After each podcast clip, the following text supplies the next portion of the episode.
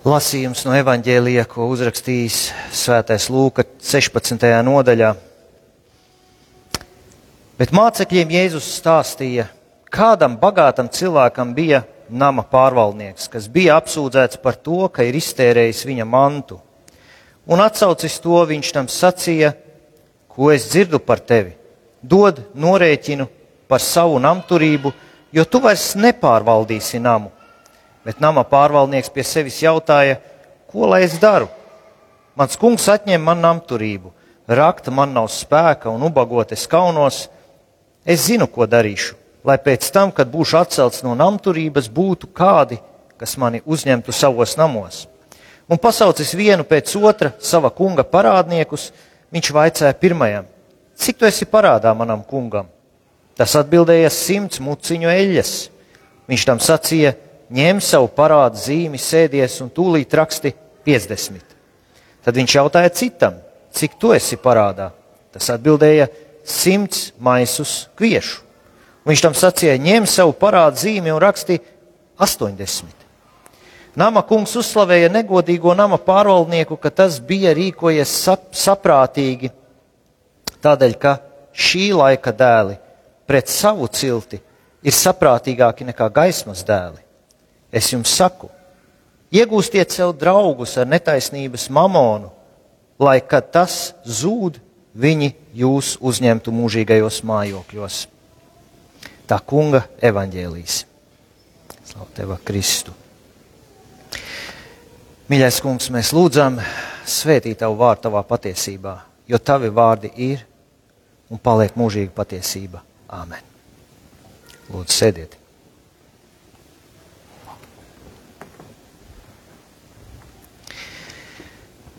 Mēs esam dzirdējuši tādu teicienu, parāds nav brālis.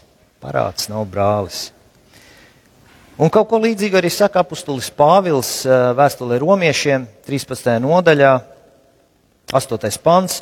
Nepalieciet nevienam parādā, neko citu kā vienu savstarpēju mīlestību, jo kas otru mīl, ir piepildījis bauslību. Tātad mīlestības došanā Mēs vienmēr esam parādnieki viens otram. Um, šī evaņģēlīja raksturvieta ir interesanta, bet arī diezgan sarežģīta un diezgan nesaprotama, par ko tur iet īsti runa. Um, skatoties uz šo līdzību, mēs mazliet aiziesim uz tām iepriekšējām rakstietām, kas bija vecā derība un, un pēc tam um, epistūlu, un pēc tam pāriesim atpakaļ pie šīs. Bet domājot par šo raksturvietu, par šo pārvaldnieku, kas tiek atcelts un viņam tiek prasīts norēķins, mums jāņem vērā, un vienmēr skatoties līdzības, ir vērts paskatīties uz atpakaļ, kas ir bijis iepriekšējais, ko Jēzus ir runājis. Un tas var būt bieži vien tajā kontekstā, kas, kur, kur šī iepriekšējā līdzība ir runāta. Un iepriekšējā līdzība pirms šīs ir līdzība par pazudušo dēlu, kura beidzas ar to, ka tēva namā ir dzīves, un pazudušais dēls ir atgriezies, apģērbts, viņam ir dots gredzens. Uh, un vecākais dēls, viņš tiek aicināts iekšā svinēt, un beigās nav pateikts. Paliek tur tāds, tāda jautājuma zīme, zīme, vai tas vecākais dēls ienāk tēva namā priecāties vai nē. Kaut kādā mērā, uh, nevis līdzība par pazudušo dēlu, bet šī rakstiet, ko mēs lasījām par pār, pārvaldnieku. Es nezinu, vai jūs to tā ieraudzīsiet, bet eh, es tur ieraugu, ka tur ir runa par piedošanu. To diezgan pagrūti tur ir ielas, ieraudzīt. Um, man vispār bija kādreiz ļoti lielas grūtības, nu tā loģiski salikt pa plauktiem un saprast, kādēļ Jēzum bija jāmirst mūsu vietā, mūsu grēku dēļ. Jo, ja Dievs mūs mīl, un tā ir, kādēļ Viņš vienkārši nepiedod grēkus? Kā, kāpēc Jēzum vajadzēja iet un mirt? Otra lieta, un šīs divas savienosies tūlīt vienā. Otra lieta, kas mani arī mulsināja līdz kādam brīdim, mūsu tēvs lūgšana, kur mēs nelūdzam un piedod mums mūsu grēkus kā mēs piedodam tiem, kas grēko pret mums. Mēs šādi nelūdzam. Mēs lūdzam, piedod mums mūsu parādus, kā arī mēs piedodam saviem parādniekiem. Tad kāda saistība visām šīm rakstvietām ir kaut kāda saistība, kur savienojas parāds un grēks?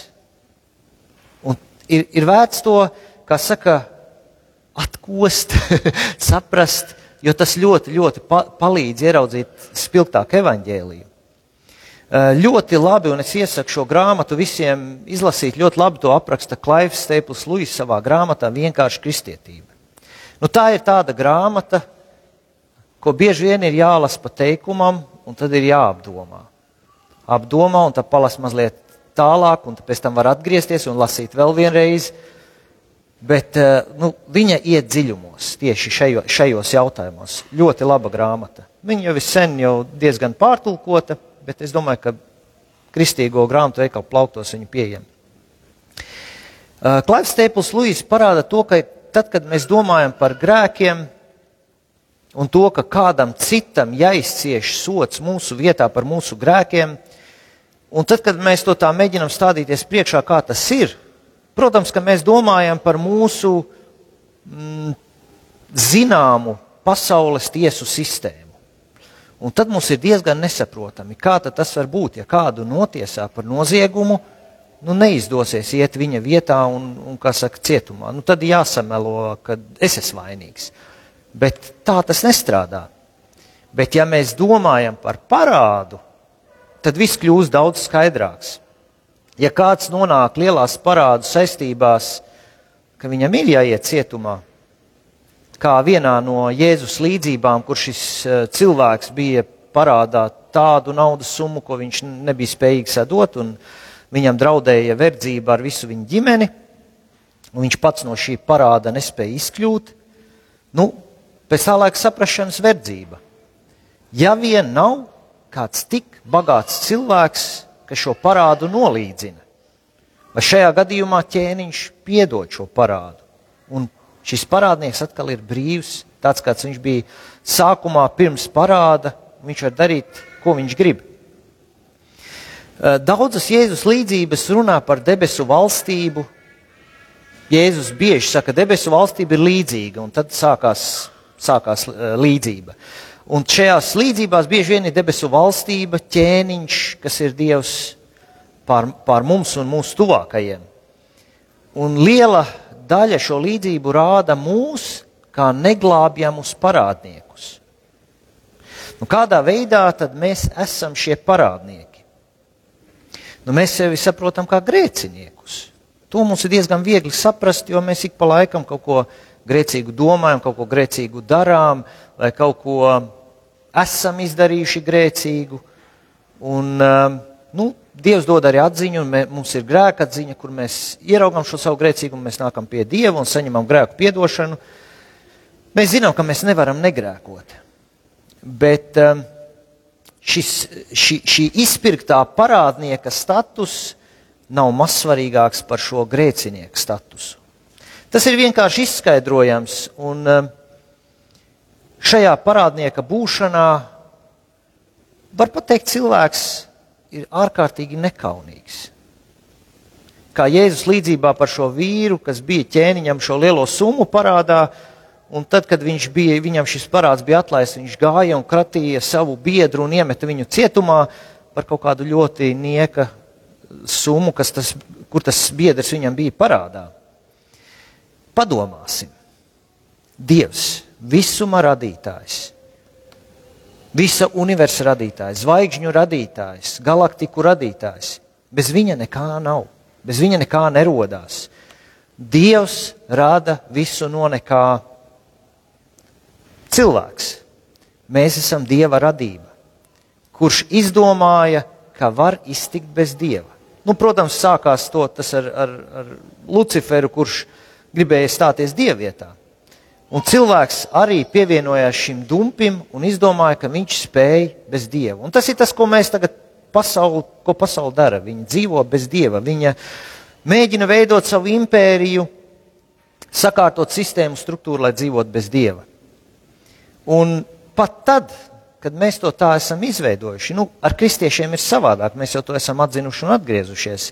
Bet par pasauli runājot, pat tad, kad mēs esam izveidojuši labu kanalizācijas sistēmu, ievilkuši ūdensvadu un izveidojuši policiju un, un, un valdības vīrus iecēluši, pat tad šī civilizācija nespēja pastāvēt, ja Dievs to neuztur.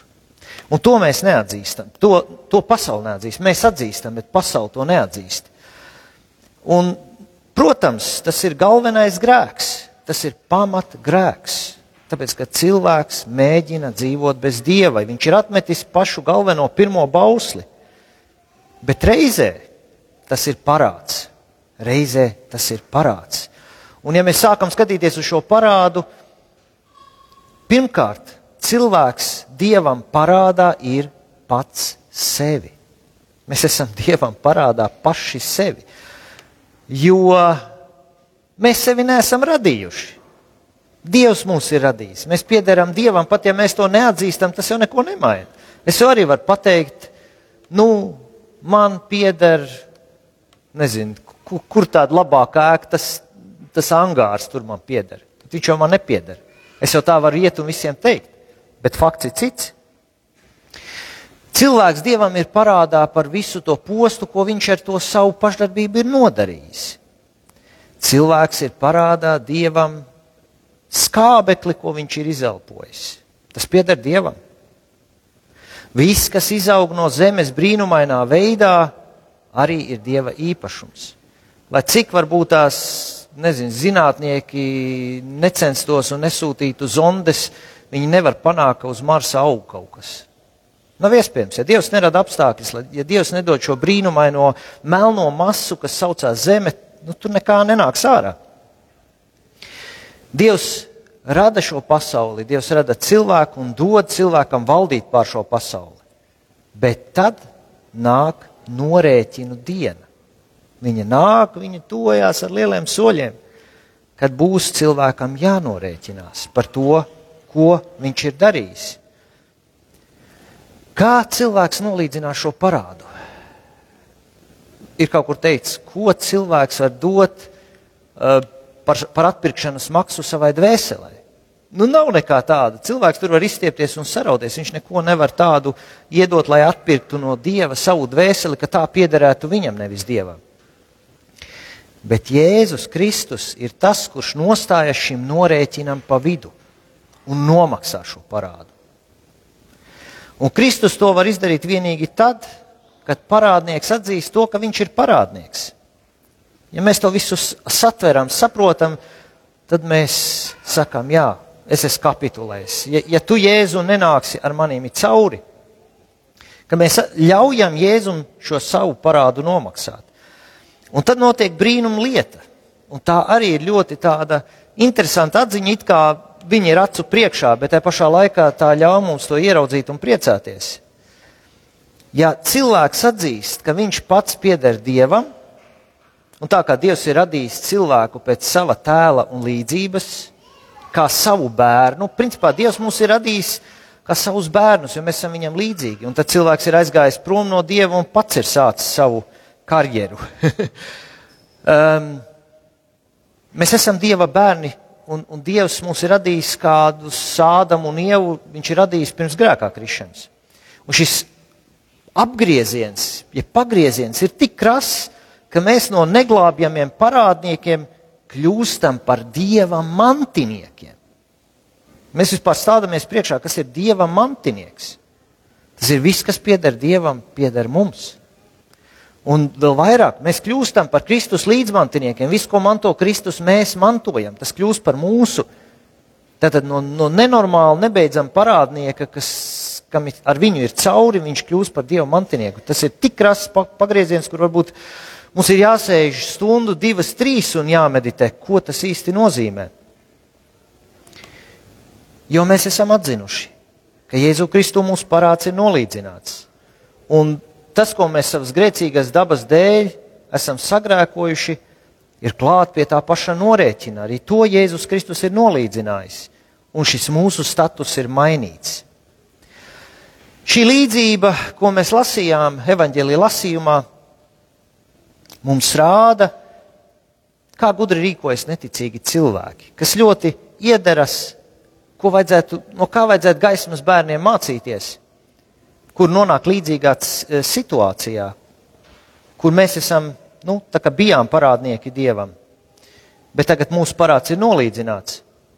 Katrs cilvēks saprot, ka viņa pēdējā stunda kaut kādā brīdī pienāks.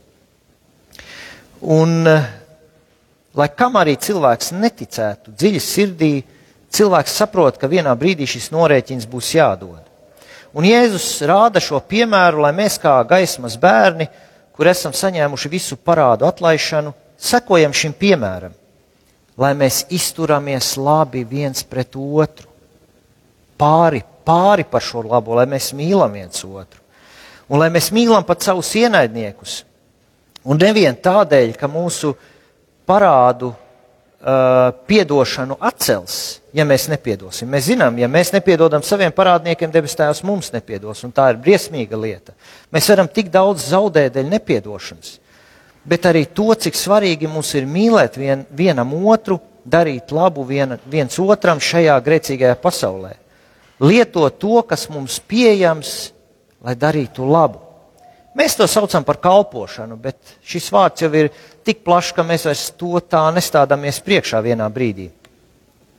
Šī ir viena no tām retajām līdzībām, kura parāda, ka šīs labās attiecības vienam ar otru, ka tas ir milzīgs iegūms debesu valstībā, debesīs, kur mēs nonāksim. Mūs uzņems citi savos mājokļos. Ko tas īsti nozīmē, es nezinu.